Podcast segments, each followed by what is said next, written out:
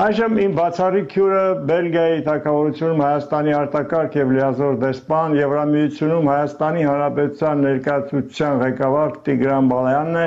Պարոն դեսպան, շնորհակալություն ձեր ժամանակի համար։ Սկսեմ Եվրամիության բարձր հանձնակատար Ջոզեփ Բորելի այս շաբաթ Ադրբեջանին ուղղված նախազգուշացումից։ Բրյուսելից ամենաբարձր մակարդակով զգուշացրեցին Ադրբեջանի, որ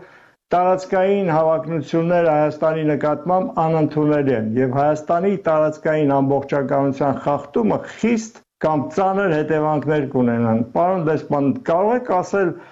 որ Եվրամիությունը լուրջ մտահոգություններ ունի Հայաստանի տարածքային ամբողջականության հարցում, այսինքն Եվրամիությունը լուրջ վտանգ, լուրջ սպառնալիք է տեսնում Հայաստանում, Հայաստանի նկատմամբ Հայաստանում հաճախ չեն պատկերացնում, թե ինչ է նշանակում այս հայտարարությունները եւ որքան լուրջ են ընկալվում նման հայտարարությունները, որքան խիստ կարող են լինել այդ հետևանքները։ Լեռնային Ղարաբաղի վրա հարձակումից 1 օր առաջ հիշում եք նախազգուշացում եղավ նաև Միացյալ Նահանգներից, բայց Ադրբեջանը անտեսեց այդ նախազգուշացումը։ Ձեր կարծիքով Եվրամիությունում սպասում են նման շրջադարձի։ Բարի օր, պարոն Թամրազյան, շնորհակալ եմ հրավերի այս հնարավորության համար։ Դե ձեր հարցը ըստ իս ուներ երկու հարց տվեցիք, սկսեմ առաջինի պատասխանից, այդ մտահոգությունները ինչի արդյունքում են ձևավորվել եւ արդյոք կարող են Ադրբեջանին սпасել լուրջ հետևանքներ։ Գիտեք, այս հայտարարությունները Հայաստանի տարածքային ամբողջականության, ինքնիշխանության եւ անվտանգության անվտանգությանը սատարելու վերաբերյալ նոր չեն։ Եթե հիշում եք Արցախում էթնիկ զտումից հետո կամ վերջին էթնիկ զտման վերջին փուլի մեկնարկից հետո սեպտեմբերի 21-ին Հայաստանի ազգային տոնի օրը ՄԱԿ-ի անվտանգության խորհրդում տեղի ունեցավ նիստ, որին ելույթ ունեցան ոչ միայն պարոն Բորելը, այլև Եվրամիության հիմնադիր անդամ Ֆրանսիա եւ Գերմանիայի արտաքին գործերի նախարարները, այնտեղ եւս զգուշացումներ հնչեցին, այնտեղ եւս դատապարտումներ հնչեցին, բայց դա պարոն Ալիևին եւ իր ռեժիմի ներկայացուցիչներին հերո չպահեց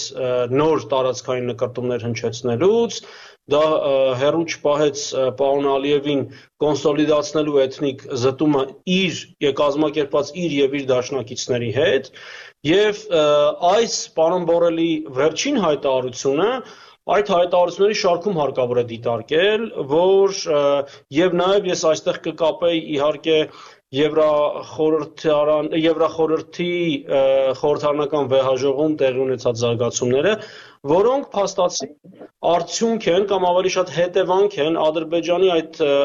այդ մեղմ անվանենք անպատասխանատու եւ ագրեսիվ վարկագծի, Իսկն պարոն Ալիևը իրան ցանկանում է պահել որպես ամենա այունարբու բռնապետը, դաժան բռնապետ, ինչ ուզի անի թե երկրի ներսում, թե երկրից դուրս իր հարևանների հետ եւ նաեւ գիտեք որ բազմաթիվ փաստեր կան, որ Ադրբեջանի կառավարության պատվերով վարձու մարդասպաններ փորձել են հաշվեհարդարներ տեսնել արտերկրում ապրող, այդ թվում Եվրոպայում ապրող ադրբեջանցի ինդիմադիրների հետ, բայց ընդունվել որպես առնվազն ժողովրդավարական երկրի ներկայացուցիչ եւ այլն, եւ այս ամենը հարկավոր դիտարկել հենց այն կոնտեքստում, եթե նայենք պատմական տեսանկյունից կարծում եմ կարող եմ ասել, որ օղակ Ադրբեջանի շուրջ կամ Ալիև ռեժիմի շուրջ գնալով սեղմվում է, թե ինչքան ռեսուրս նրանք ունենան դիմադրելու չեմ կարող ասել, Եվ այստեղ մի մի հիշատակում էլ ցանկանում եմ անել, որ գիտեք սովորաբար այդպեսի մտայնություն կա եւ դա նաեւ Եվրոպական միությունում, Միացյալ Նահանգներում, այլ երկրներում մի այսպեսի նարատիվ կա, որը ըստիս բավականին տեղին չէ կամ փուչ է, որ քանի որ Ադրբեջանը գազ եւ նավթ է վաճառում եվրոպական երկրներին, ապա եվրոպական երկրները կաշկանդված պետք է լինեն եւ պետք է իրենց աչքերը փակեն, թույլ տան Ալիևին անել ինչ ցանկանում է։ Ես կարծում եմ, որ դա ամբողջովին հակառակն է,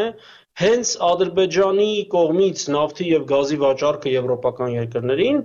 Ադրբեջանի եւ Ալիևի ռեժիմին սարքում է շատ ավելի խոցելի, որտեվ եվրոպական երկրները նրա ամենամեծ հաճախորդներն են, նրա ամենամեծ գնորդներն են եւ ինքը ճունի ոչ յենթակառուցվածքներ, ոչ հնարավորություն արտահանելու իր ածխաջրածնային Ադրբեջանի ժողովրդի աչխաջրածնային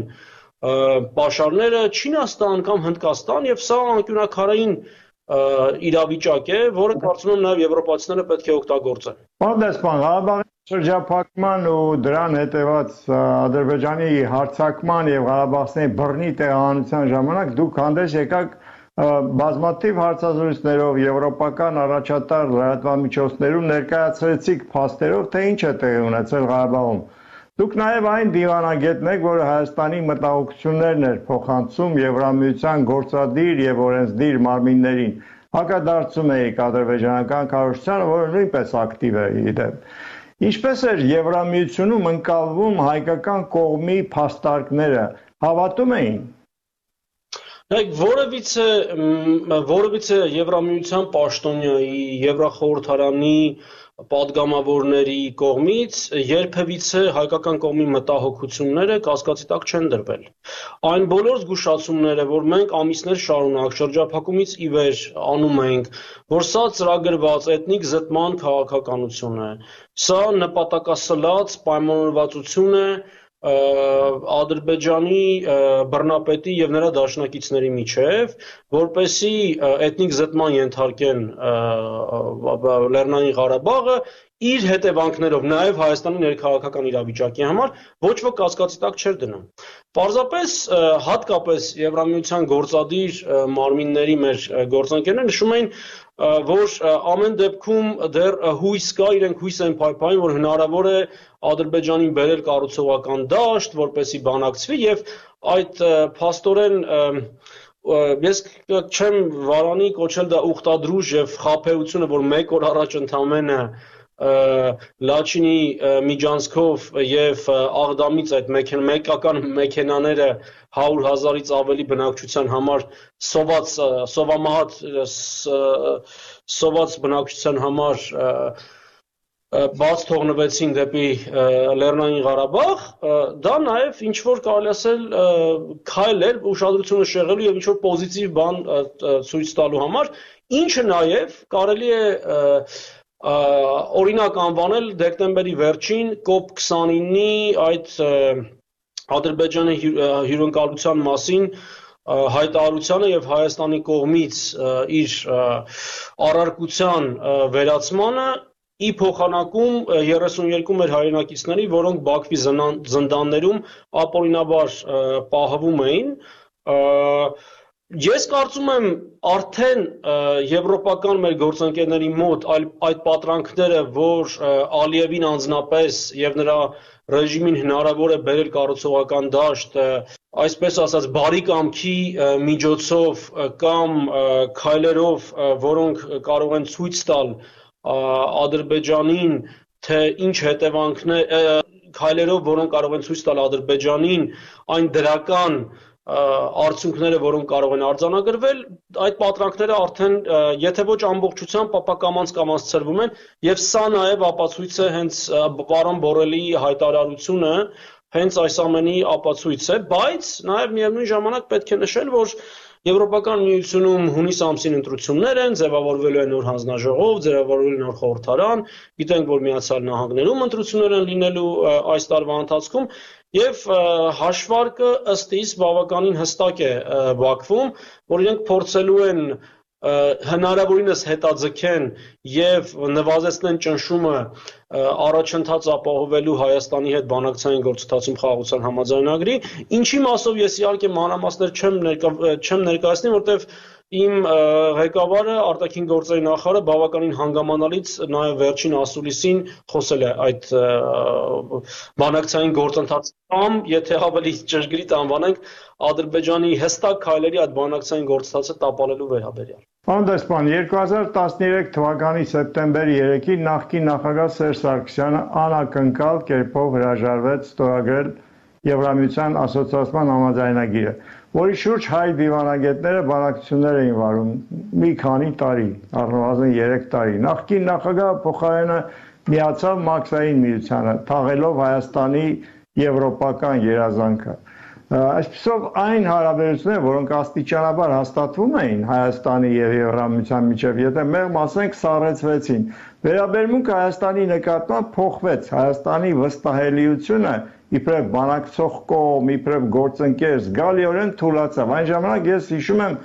իմ մասնավոր զրույցներից Եվրոպայում Հայաստան ներկայացնող դիվանագետները նույնպես հիասթափություն ապրեցին կառավարության այդ քայլից։ Հիմա մենք տեսնում ենք հակառակ գործընթացը Հայաստանի նկատմամբ գործընկերային վստահելիության վերականգնում։ Իբրև փորձառու դիվանագետ, ինչպես կգնահատեք այս փոխակերպությունը, խնդրեմ։ Ես այդ ժամանակահատվածում արտաքին գործերի նախարարության խոսնակն էի եւ ես պետք է որ այո Հայաստանը չստորագրեց ասոցիացման համաձայնագիրը եւ խորը եւ համապարփակ առևտրի գոտի ստեղծելու մասին համաձայնագիրը, բայց մի փոքր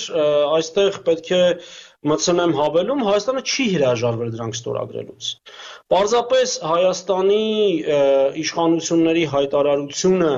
որ մենք նպատակադրված ենք անդամակցելու այն ժամանակ մաքսիմում միությանը, որը հետագայում դարձավ Եվրասիական միություն մեզ բերեց կանգնացրեց մի իրավիճակի առջև, երբ զուտ առևտրային քաղաքականության, տարիֆային քաղաքականության տեսանկյունից մենք չենք կարող համատեղել այդ երկուսը, չնայած եթե հիշում եք այն ժամանակվա նախագահի աշտակազմի ղեկավար Վիգեն Սարգսյանը հենց հաջորդ օրը հայտարարություն արեց, որ մենք պատրաստ ենք ստորագրել այնուամենայնիվ այդ երկու փաստաթուղթը, քանի որ դեռ գործընթացը չի սկսվել մաքսիմум միությանը անդամակցելու շուրջ բանակցությունների, եւ ես մի գաղտնիք այսօր կարող եմ բացել, եթե չեմ սխալվում, նույնիսկ ազատություն ռադիոկայանը դրա մասին հաղորդել էր, Փետրվար սեպտեմբերի 4-ին արգորձնախարը արդեն Բրյուսելում էր փորձելով բանակցել հնարավորինս ինչ կարելի է փրկել այդ համաձայնագրից։ Եվ հանդիպում եղավ այն ժամանակվա օնլայնման եւ հարևանության հարցերով հանձնակատար Շտեֆան Ֆյուլեի հետ, մոտ 4 ժամ տևեց այն հանդիպումը,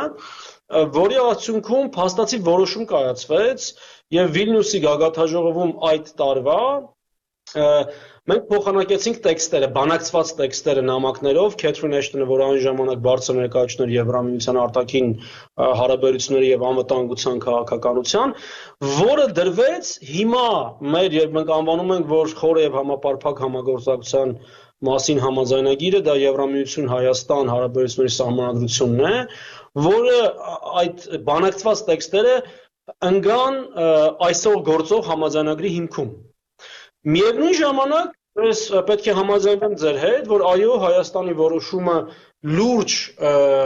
այսպես թերահավատություն առաջացրեց մեր եվրոպացի եւ ոչ միայն եվրոպացի գործընկերների մոտ, այդքան մի քանի տարի բանակցված փաստաթղթի առումով, այո,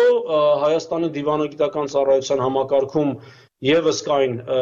դժգոհություններ եւ բավակ մեր ներսի քննարկումներում իհարկե դրանք բավականին հնչեղ էին, բայց միևնույն ժամանակ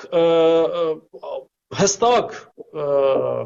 հասկանալի էր թե դիվանագետների համար, որոնք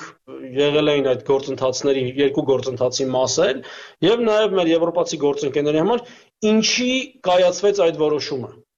Հա, չգնալով հիմա մանրամասների մեջ զուտ մի դրվագ բերեմ, որ այդ սեպտեմբերի 3-ի որոշումից մի քանի շաբաթ առաջ, եթե չեմ սխալվում, օգոստոսի 16-ին Ռուսաստանի նախագահը այցելում էր Բաքու եւ համատեղ ասուլիսի ժամանակ Ադրբեջանի բռնապետի հետ Ադրբեջանի բռնապետը ասաց, որ գիտեք, մամուլում հրապարակումներ կային, թե